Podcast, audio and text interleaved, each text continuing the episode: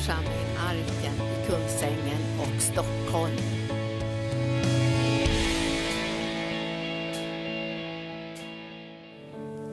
Ja, vi tackar dig helige Ande att du är här. Undervisa oss, uppenbara sanningen för oss, väck tro i våra hjärtan så att vi kan vandra tillsammans med dig och göra din vilja i den här världen. Vi vill att ditt rike utbreds och vi vill att din församling blir ett härligt redskap för dig som du kan genomföra allt det som du har planerat och fortsätta ditt verk här på jorden ända tills vi ska tas hem och komma dig till mötes i himlen. Vi tackar dig för att vi får vara dina redskap och förhärliga ditt namn. I Jesu namn. Amen. Halleluja. Ja, den här kvällen ska vi tala lite grann om, om, om livet med Herren. Jag, jag, på sistone har jag funderat lite grann över det där för att det, vi har ju både så att vi har mött Herrens nåd och eh, och så har vi lärt oss att vårt kristna liv det, det, det hänger inte liksom på oss utan det hänger på honom, vad han har gjort. Så vi är trygga i vår, eh, vår tillhörighet till Jesus Kristus och vi är trygga i det liv som vi ska leva eftersom vi tillhör honom. Men sen är det ju så också det att eh, han är, är övertygad om att när vi har kommit att tillhöra honom så kommer vi också att leva så som han ger exempel på eller som han vill. Så vi ska följa honom och vi ska ära honom med vårt liv. Och Det gör vi därför att vi har blivit älskade så här ofantligt mycket av, av Herren Jesus. Hans kärlek har bevisat till oss där att Kristus dog för oss medan vi ännu var syndare, står det. Det är så han liksom bevisar för oss att han älskar oss. Att alltså, eh, den här kärleken den, den, den var riktad till oss och den var given till oss eh, medan vi ännu var syndare. Innan vi hade fått till någonting som var eh, så som han ville. Utan vi var, vi som var bara i förvirring och mörker och där, och där kom han och räddade oss med sin kärlek. Så hans död och hans uppståndelse den är fullkomligt obegriplig egentligen. Alltså att någon kan älska så där eh, utan att eh, kräva någonting liksom i, i, i gengäld.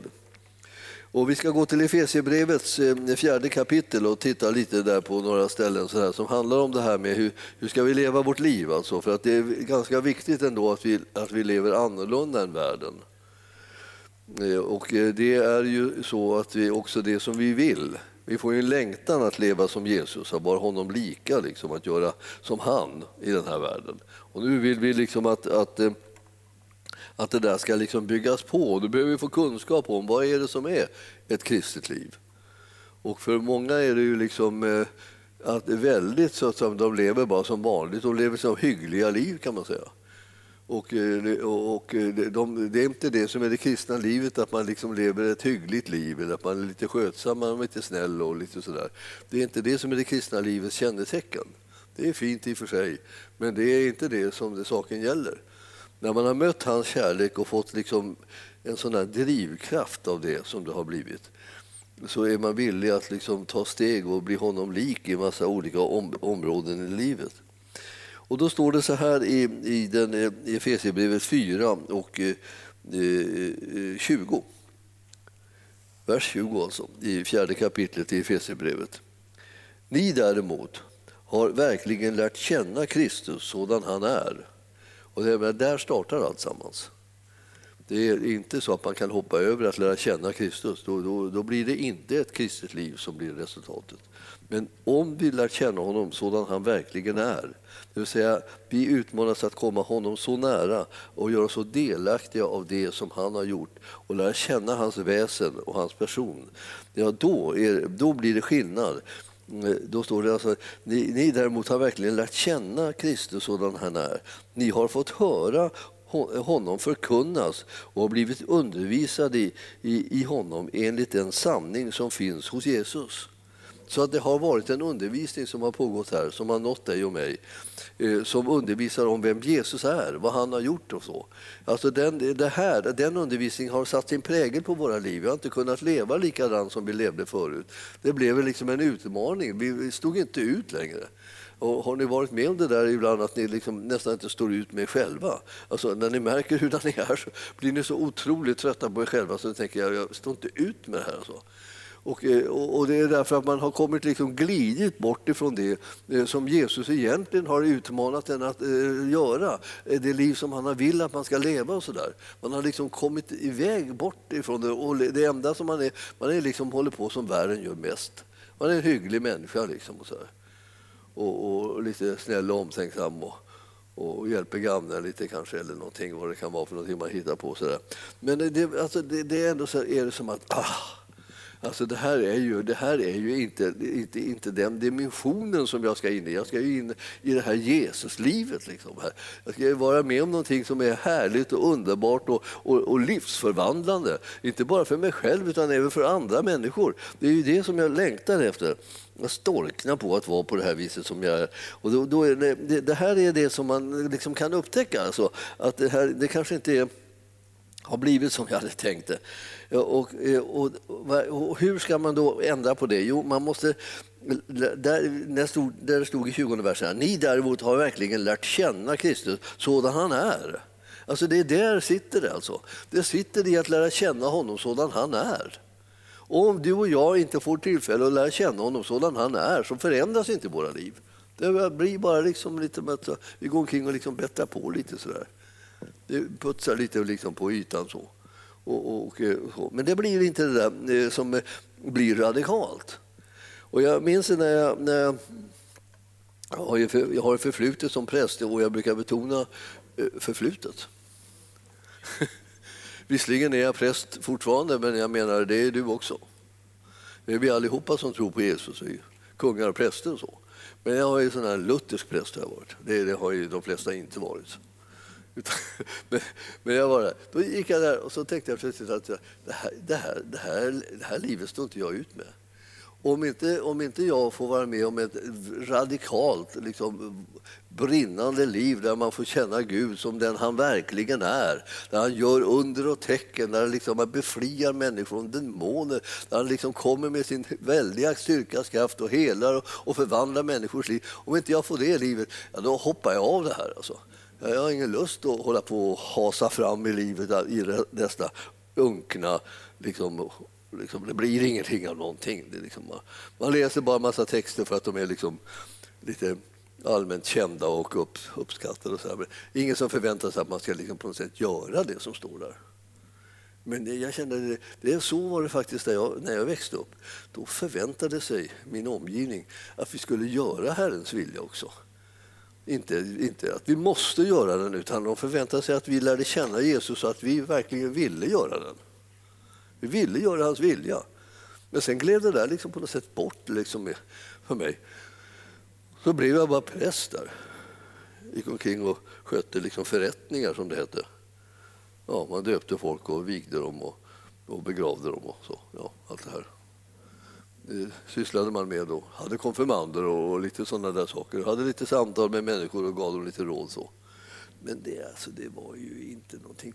Det var ju inte, det var inte Jesuslivet som man hittade. jag blev så trött på mig själv så jag nästan på, tänkte att det här, jag tror att vi, jag får, jag får sluta med det här. Det här går inte.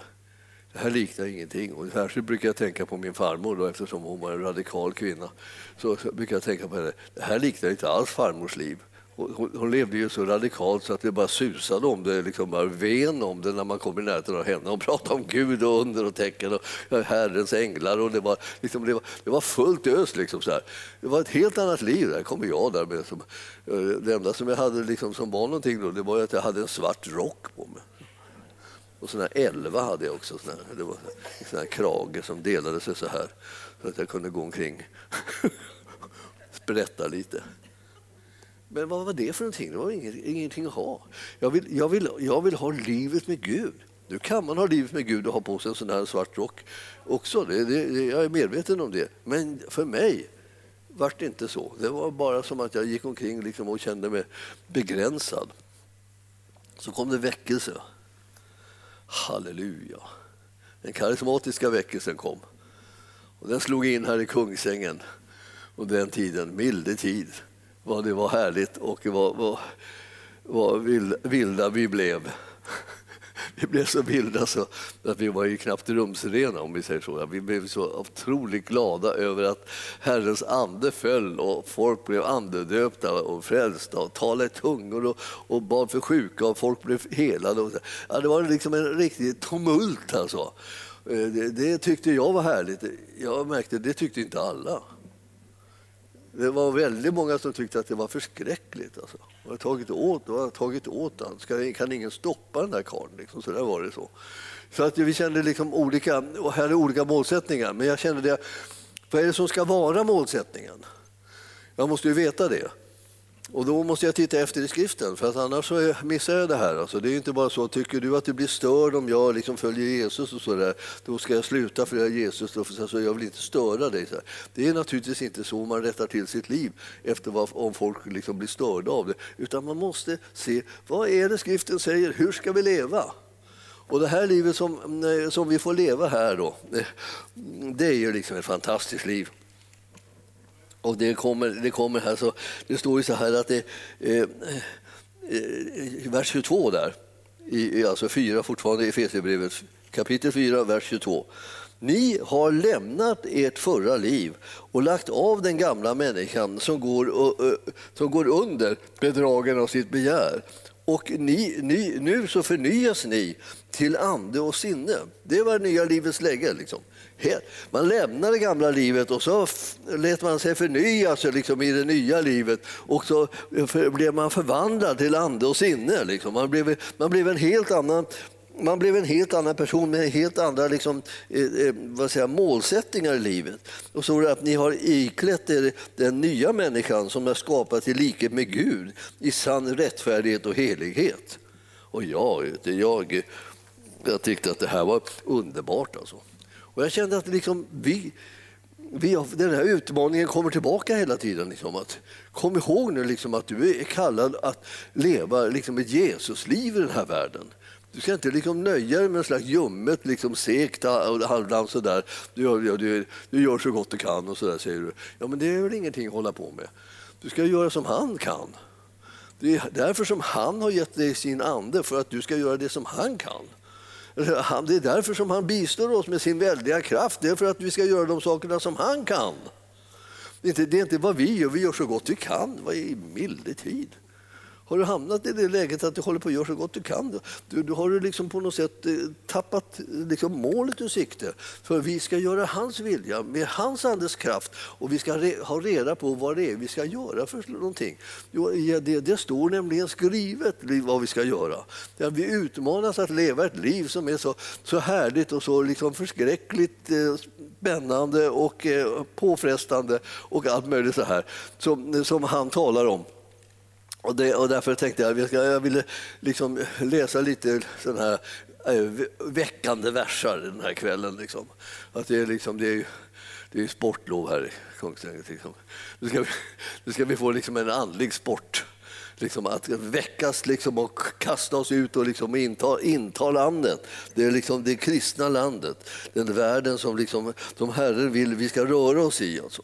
Och det, det här i, i femte kapitlet här så står det så här från vers 3 då. Vad vi ska lägga undan för någonting, liksom, det är i stort sett det som är i världen. Alltså, det kan man säga sammanfattningsvis. Men här står det liksom lite uppräkning. Då. Eh, men otukt och all slags orenhet eller girighet ska du inte ens nämna, ska inte ens nämnas bland er. Det anstår inte de heliga. Inte heller passar det sig fräckt eller oförnuftigt prat eller tvetydiga skämt. Tacka istället Gud. Eh, eh, ni ska veta att ingen otukt eller oren eller girig, en sådan är en avgudadyrkare, ska ärva Kristi och Guds rike. Och så låt ingen bedra er med tomt prat. Alltså sådant nedkallar Guds vrede över olydnadens barn. Ha därför ingenting med dem att göra. Eh, ni var ju en gång mörker, men nu är ni ljus i Herren. Eh, vandra då som ljusets barn. Alltså, ni förstår att det här, är liksom, det här med att det finns två olika livsstilar eller två olika världar, det är någonting som du och jag då och då behöver påminna oss, annars så glider vi in i den där världen som, som, som vi har runt omkring oss hela tiden.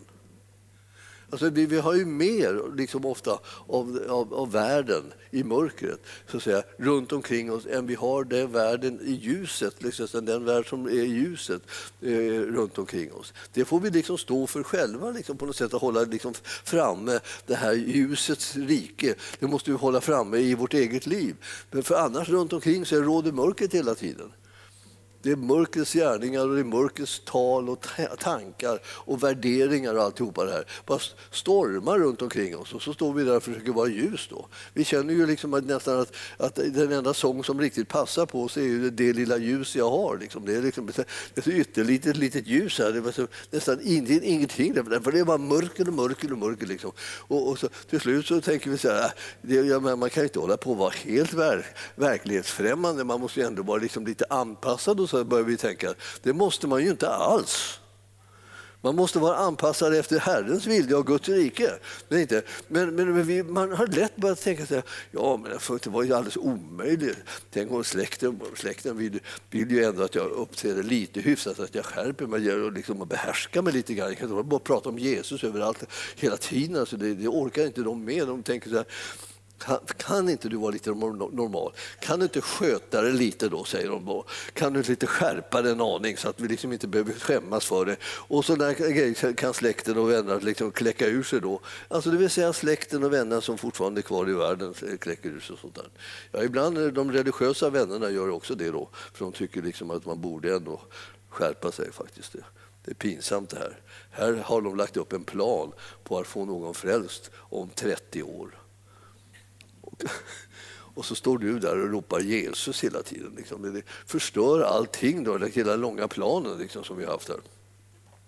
Och jag, eh, jag har ju haft, som väl är, sådana där riktigt liksom, ivriga brinnande människor. Jag talar ju ofta om dem bara därför att jag tänker man måste hålla minnet levande av de som verkligen tjänar Jesus och verkligen brinner för honom och betalar priset. och givet De måste man prata om många, många gånger. Så man pratar med varandra om dem, liksom hur de var. När ni läser till exempel väckelsehistoria och sånt där, när ni läser om de olika, olika troshjältarna som har varit genom århundradena så här, som har följt Jesus, som har brutit upp och som har betalat priset på alla möjliga sätt. Man blir så uppmuntrad så man man blir liksom sprängfylld. Liksom man tänker så här, ja, sånt ska, som ska bli, så ska jag göra. Jag ska, jag ska, jag ska också liksom sätta mitt spår liksom i, i det här och jag ska göra Jesus känd och, och, och så. Alltså man, man, kan, man kan läsa sån här rätt litteratur eller så kan man läsa sånt där som är, som är, som är absolut bara bryter ner en och gör att, liksom att man själv känner sig udda och konstig och tänker att ja, det är nog ingen idé att jag håller på med det här. Det är omöjligt att nå de här. Det är så svårt, som alla säger, så här, det är så svårt att nå människor. Det som gör att vi når människor är att vi talar om Jesus. Alltså, du behöver inte liksom tro i deras ställe, du behöver bara tala om Jesus. Du ska tala om vad han har gjort, du ska vittna om honom, du ska tala om hans kärlek till människor. Så. Det ska du tala om. Du behöver inte liksom, eh, liksom tänka så här, ja, hur ska jag kunna få dem frälsta om jag, om jag tar ett nacksving på dem, så här, tvingar dem så här, släpper inte mig om du inte liksom, eh, tar emot Jesus. Så där. Ja, men det, det är klart att inte det riktigt går hem. Jag hörde om några eh, damer som var i, i Sydamerika. De hade en sån här, mera sån här bönekampanj. Men den gick ut på att de gick ut på gatorna. Och så var de där en fem, tio kvinnor då. Och så såg de en sån här som de bedömde som en världslig person. Och då högg de den och så sprang de med den ner i en källare. Och sen bad de för den tills den gav sig. och tog emot Jesus. Då, alltså. Och alltså, de där, eh, eh, rapporterna om det där var ju att det, det var ju inte så tokigt. De fick ju verkligen ett genombrott. De var riktiga bönekrigare, eh, de här kvinnorna. Så det var ju bara det att det, det, det, var bara att ge sig inför det här Herrens godhet och kärlek. Och de bad ner och, och de proklamerade och sa säg efter oss nu då, du ska bekänna här nu. Och så höll de på. Och de härjade med de här, de här människorna som råkade ut för dem så till milda grad. Men alltså massor massor fick, blev frälsta.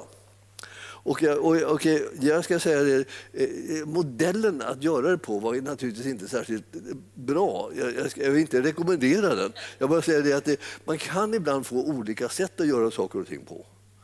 Och, och, och, för en del så är det som att man hittar en väg att, att göra det på så att man får liksom ut ett budskap eh, eh som andra inte liksom får någon framgång i.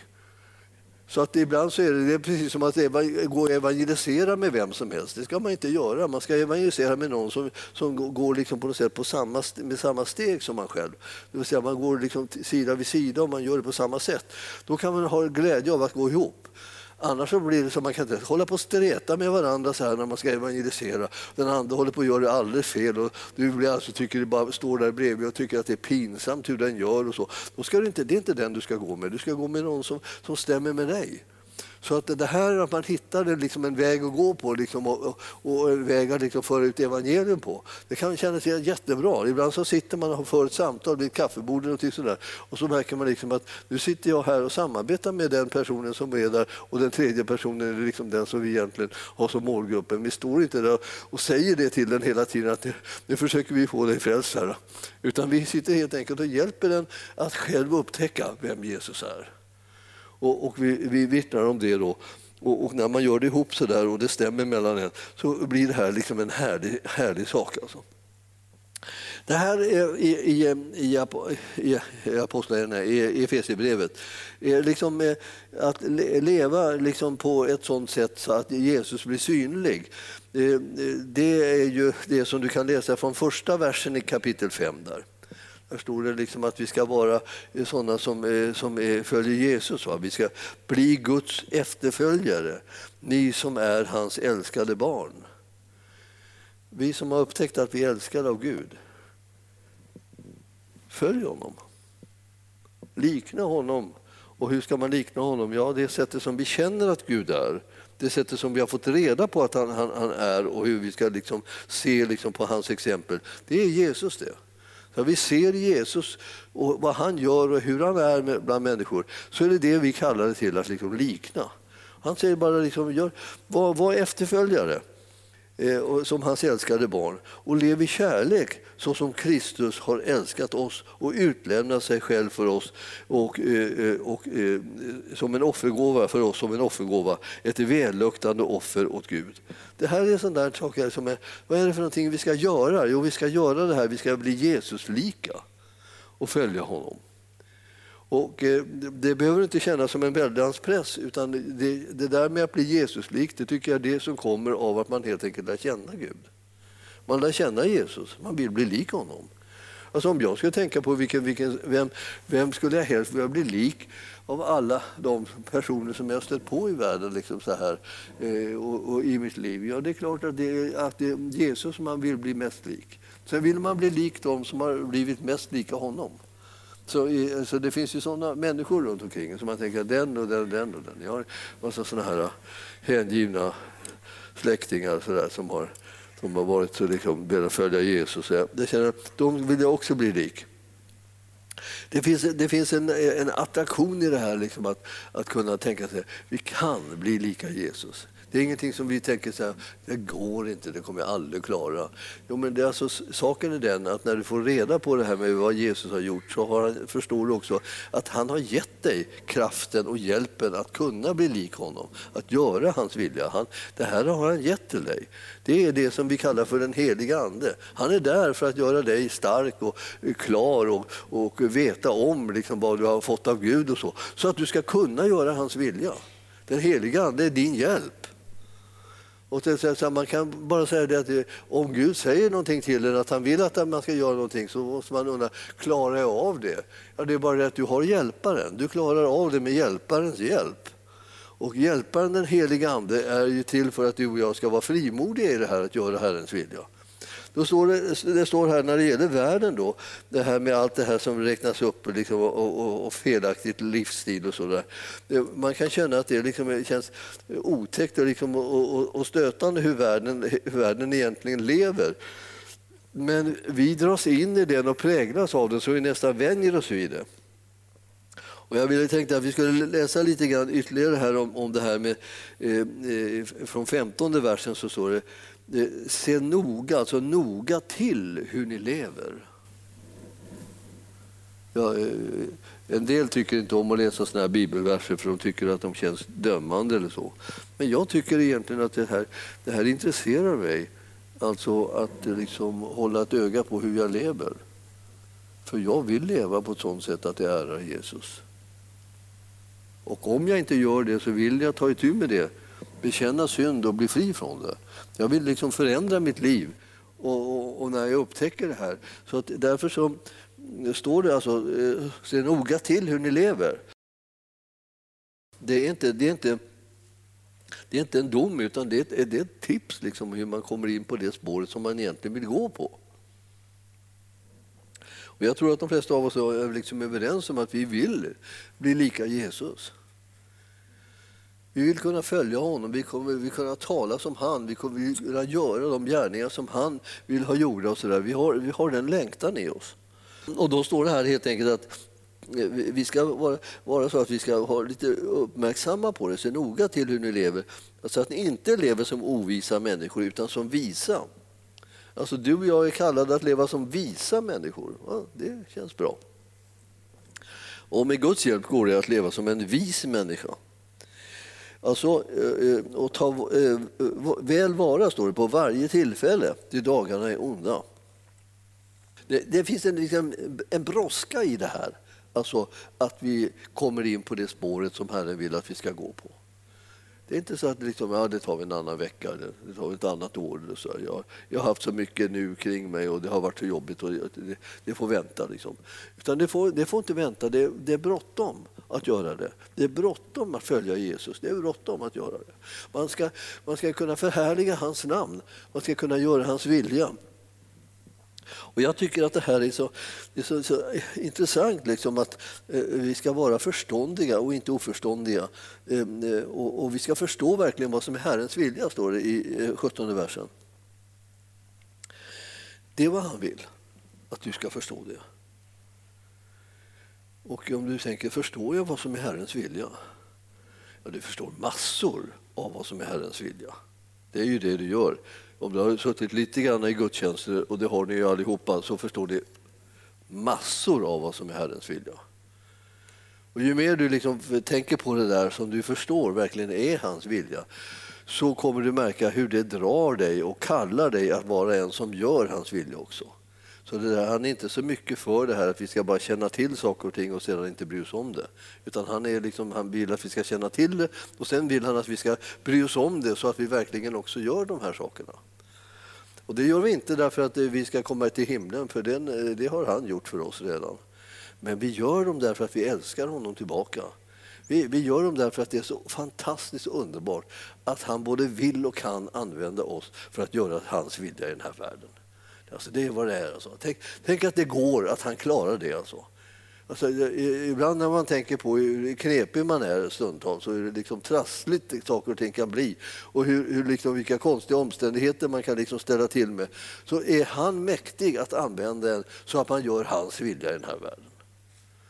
Så det finns aldrig någon anledning att ge upp om någonting när man har en sån herre som vi har. Han kan klara av att använda oss, han kan klara av att låta oss bli till ära för honom. Han kan det här och han kan göra oss som eh, kanske tycker att ibland är vi lite oförståndiga, så kan han göra oss förståndiga. Visa och förståndiga. Om man tittar sig runt omkring tänker man, alltså, är det det ni gör? Visa och förståndiga. Och tittar man sig i spegeln så blir man ännu mer häpen över, över det att där sitter då någon som är vis och förståndig. Eller står där liksom. Men det är precis så som Herren har, har makt att göra en. Och han, han vill, om du lär dig det här och förväntar dig liksom att han, går i, han, går i, han klarar av att göra de här tingen. Så att eh, Berusa er inte med vin, står det i 18 versen. Eh, Sånt leder till laster och eh, låt er, inte uppfylla, låter istället uppfyllas av Anden så att ni talar till varandra i psalmer och hymner och andliga sånger och sjunger och spelar till Herrens ära i era hjärtan. Och då tänker någon så här, ja, måste man gå in i, liksom, i lovsångsteamet liksom, för att man ska liksom, hålla, hålla måttet här? Nej, det behöver man inte. Man kan, man kan utgöra ett eget lovsångsteam i största hemlighet någonstans där man liksom stänger in sig och eh, bara njuter av det själv. Och så Herren förstås, som gillar det där när du liksom hänger ditt hjärta och prisar och tackar och lovar honom. Men det här är som en, en, en, en utmaning som vi har, liksom, att prisa Gud. Jag känner som att eh, man, när man ser på de där exemplen, att de som har värsta vidriga situationer, vad de kommer på att de ska göra då när de har det som allra värst, det är att prisa Gud.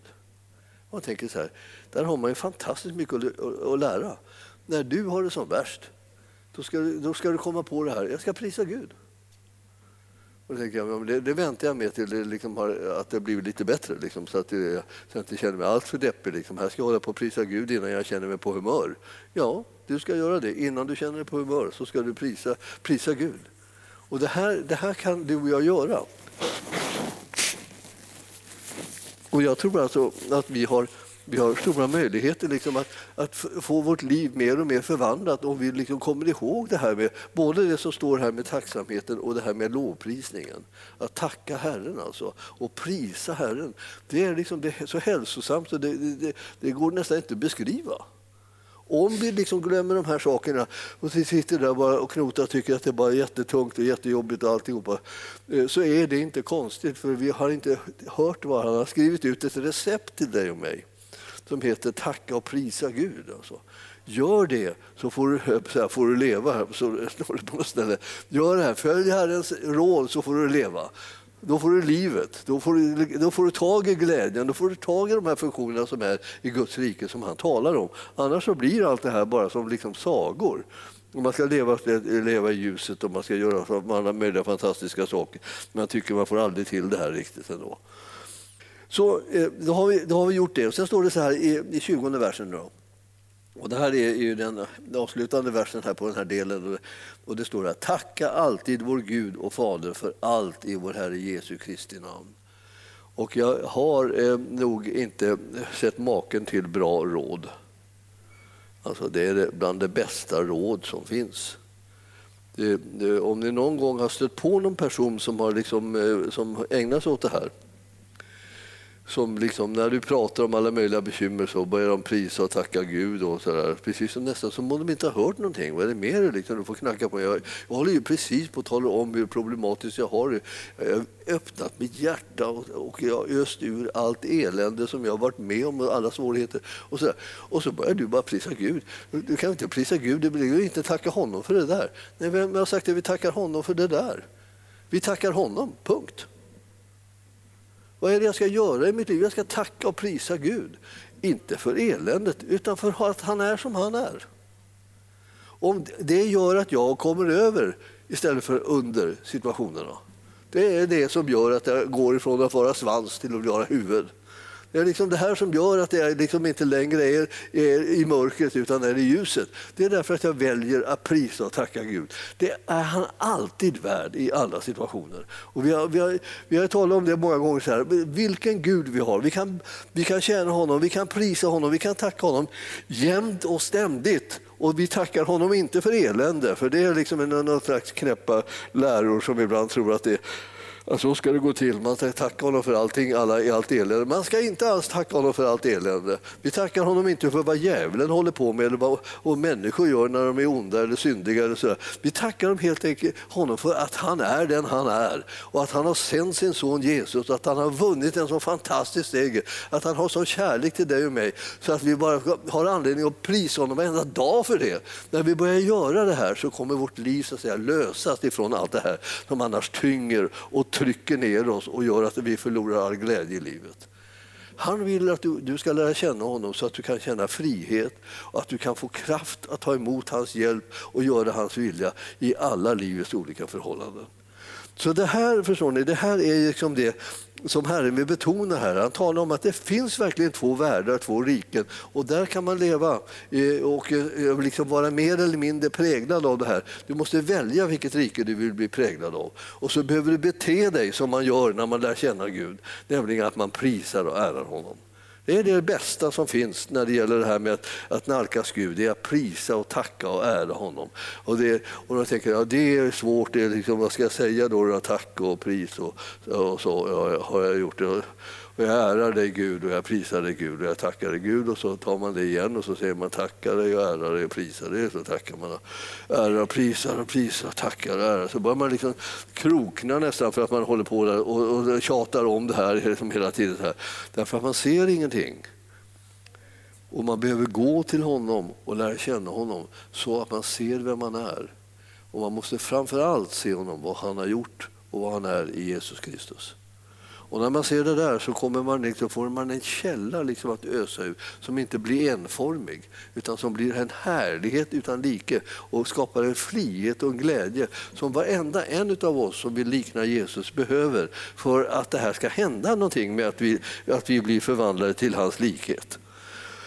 Så himmelske Fader, nu ber vi dig och tackar dig för att du är en sån god Gud. Att du har låtit Jesus komma som har eh, verkligen bevisat den kärlek som du har till oss. Och vi ber dig Herre att vi ska fästa vår blick på det varje dag. Och vi ska kunna lova, prisa och ära och upphöja dig och tacka dig för din stora godhet och din underbara seger som vi har blivit delaktiga i. Öppna våra ögon så att vi ser vem du är.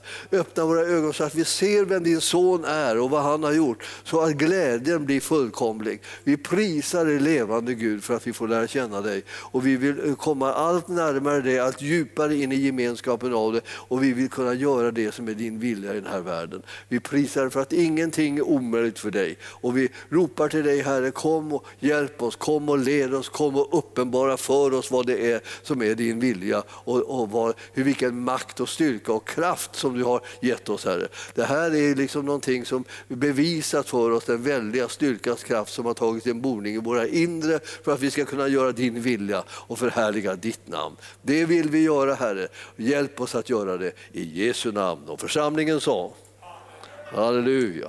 Prisad vare Gud.